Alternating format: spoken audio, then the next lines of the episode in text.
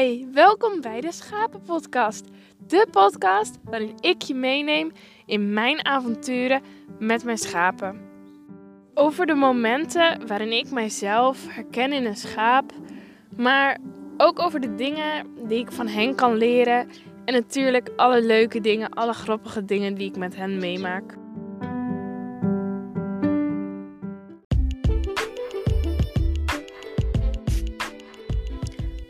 Hoi, welkom bij alweer de zesde aflevering van de Schapenpodcast.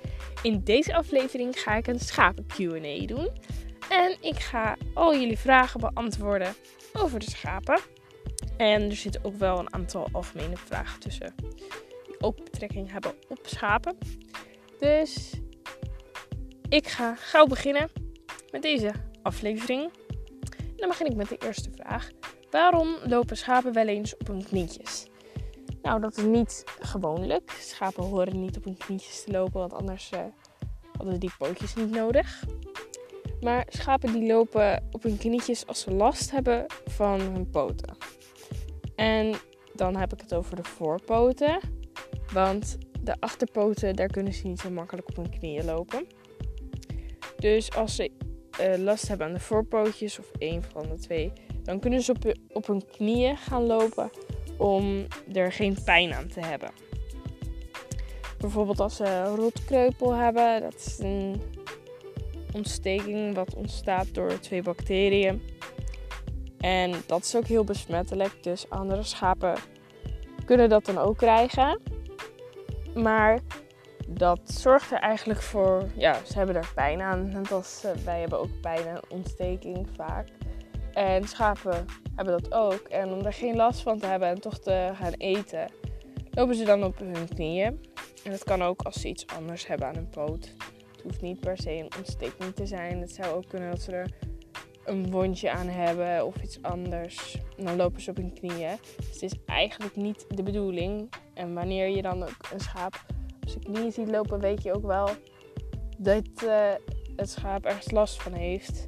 En ik ga dan ook altijd meteen even pootjes nakijken.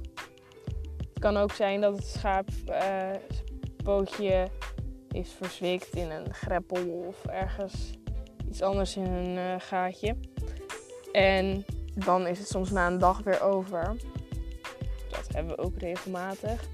Maar het kan ook zijn dat het schaap al een week zo loopt en dan is er wel echt iets anders aan de hand. Dus dat is op zich wel handig dat je dit dan meteen ziet. Meteen door hebt dat het schaap daar last van heeft. Maar het is eigenlijk niet de bedoeling. En lammetjes, die kunnen het ook doen. Maar dat is om een andere reden. Als ze bij de moeder willen drinken, en zeker grotere lammen, die kunnen dan niet zo makkelijk meer staan en dan bij de speen. Dus dan gaan ze op hun knieën en kunnen ze er beter bij. Dus dat zou ook een reden kunnen zijn. En ja, dat is eigenlijk een beetje de reden waarom schapen op hun knieën lopen. De volgende vraag: wat is biest? Dat is een wat algemenere vraag, want koeien hebben ook biest en geiten denk ik ook. En paarden waarschijnlijk ook bij een veulen. En biest is eigenlijk het allerbelangrijkste van de hele voeding. Als ze aan het begin van hun leven geen biest hebben, nou, dan gaat het niet heel goed, denk ik. Want in biest zitten heel veel afweerstoffen. En die hebben ze nodig om de eerste ja, virussen, bacteriën, wat ze tegenkomen. Alles, dat, ja, om dat tegen te gaan. Want anders dan is een lammetje heel zwak. En dat is een lammetje sowieso al als die geboren is. Het begin zijn ze heel zwak en worden ze heel gauw ziek. Dus daarvoor, daartegen is de biest eigenlijk. Maar er zitten ook heel veel vetten in. En die vetten hebben ze nodig om de eerste paar dagen te groeien. En dat zit sowieso ook in de, in de andere melk, de gewone melk. Maar in biest zit dat nog extra. Er zitten hele gezonde vetten in. En dat kan een lammetje dus ook echt niet missen. Daar groeit hij echt van dat heeft hij nodig. Maar als lammeren ouder zijn, dan gaan ze van te veel vetten, dan gaan ze aan de diarree. Omdat ze het daar niet meer nodig hebben. Maar de eerste dag, dan mogen die lammetjes echt gewoon zoveel drinken als ze lusten van de beest. Want dat is het allerbelangrijkste. En van biest kun je ook nog pap maken. Wel dunnere pap, maar als je het eh, op een bepaalde manier kookt, welt eigenlijk, dan kun je er ook pap van maken. Ik hou er niet zo van, maar het kan heel lekker zijn. En ja, van schapen doen we dat eigenlijk niet. Want schapen die hebben natuurlijk veel minder dan een koe. Dus een schaap heeft echt alles voor het lammetje nodig. Maar bij koeien heb je soms wel eens biest over en dan kun je dat gebruiken. Om op te eten gewoon. En ja, dat is eigenlijk biest. Er zitten echt ontzettend veel uh, vette en gezonde dingen in. En dat kun je gewoon niet namaken. Dat heeft het lammetje echt van de moeder nodig. Dan de volgende vraag. Wat is kopervergiftiging? Nou weet ik dat niet precies helemaal tot in details. Maar ik weet wel dat uh, schapen van zichzelf is wel verschillend per ras. Maar um, hebben ze genoeg koper. En dat maken ze zelf aan of dat halen ze uit het gras.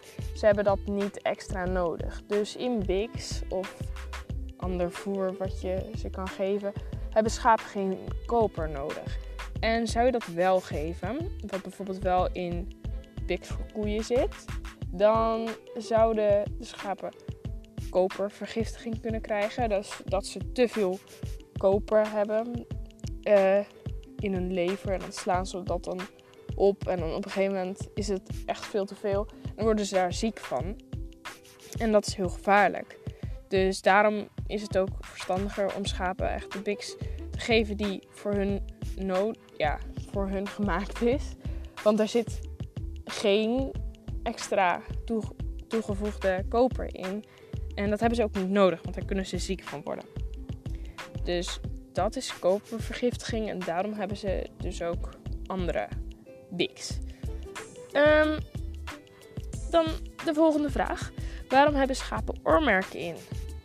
Nou, oormerken zijn eigenlijk heel handig als je een hele grote, grote kudde hebt. Nou heb ik natuurlijk al mijn schapen namen gegeven, maar als je 100 schapen hebt, dan ben je nog wel even bezig om dat allemaal uit je hoofd te leren. Dus dat hebben de meeste schapenhouders niet. Nou, die hebben misschien wel meer dan 100 schapen. Dat is geen doen. Dus dan hebben de schapen een nummer in, in hun oor.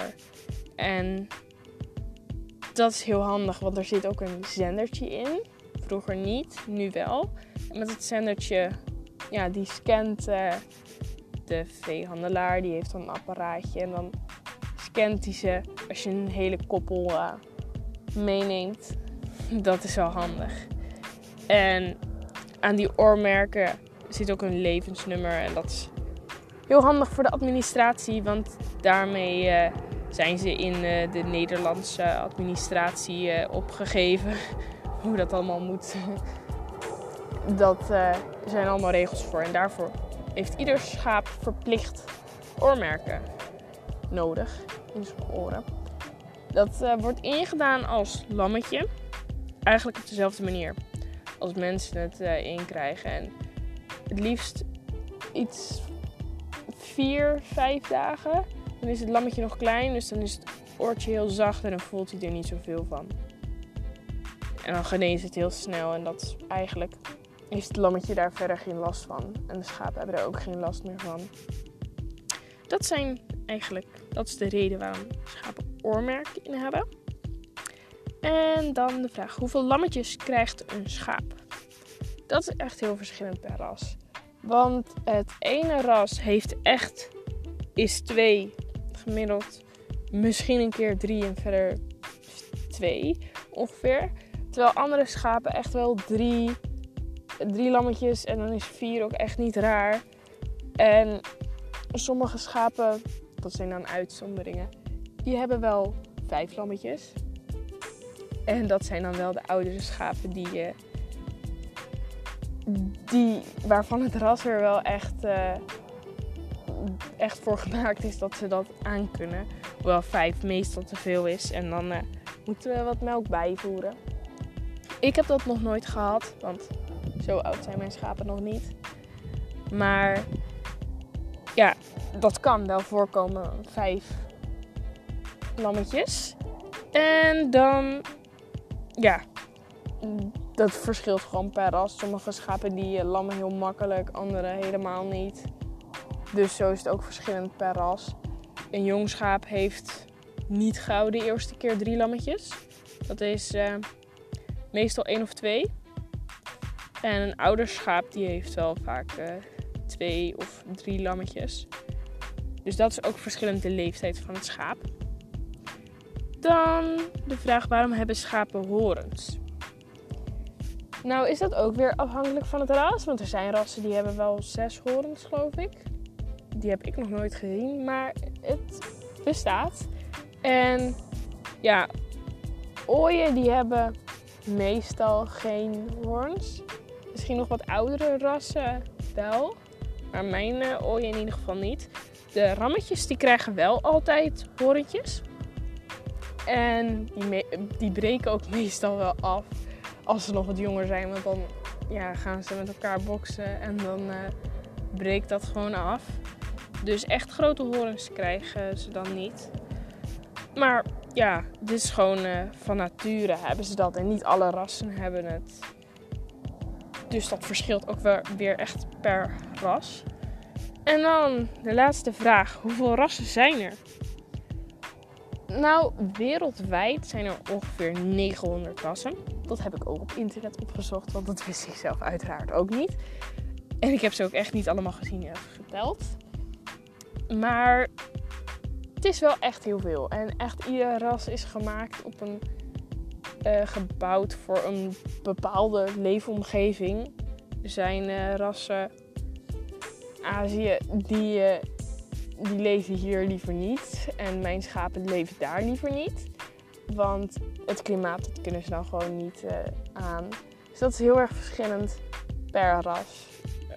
ja, klimaat. En in welk werelddeel ze leven. Dus 900 rassen. Dat zijn er best wel veel. Nou, dit waren de vragen. Ik had, ik denk, zeven vragen waren het. Dus heb je nog meer vragen? Stel ze gerust in een reactie uh, onder deze podcast of zoiets. Of stuur een mailtje of zo. Vraag me het als je nog een vraag hebt. En dan was dit aflevering 6 van de Schapen Podcast. In de volgende aflevering ga ik je vertellen hoe ik mijn schapen dingen leer. Aflevering heet Circus Schaap in het Wild. Nou zijn mijn schapen gelukkig uh, geen echte circusschapen, maar ze kunnen onderhand wel redelijk naar me luisteren. Dus dat is waar de volgende aflevering overheen over gaat. En intussen vliegt er een vliegtuig over mij heen. Ik zit lekker in het land tussen de schapen. Dat was deze aflevering. En dan hoop ik dat je de volgende aflevering weer luistert. Aflevering 7. Tot de volgende keer. Doei!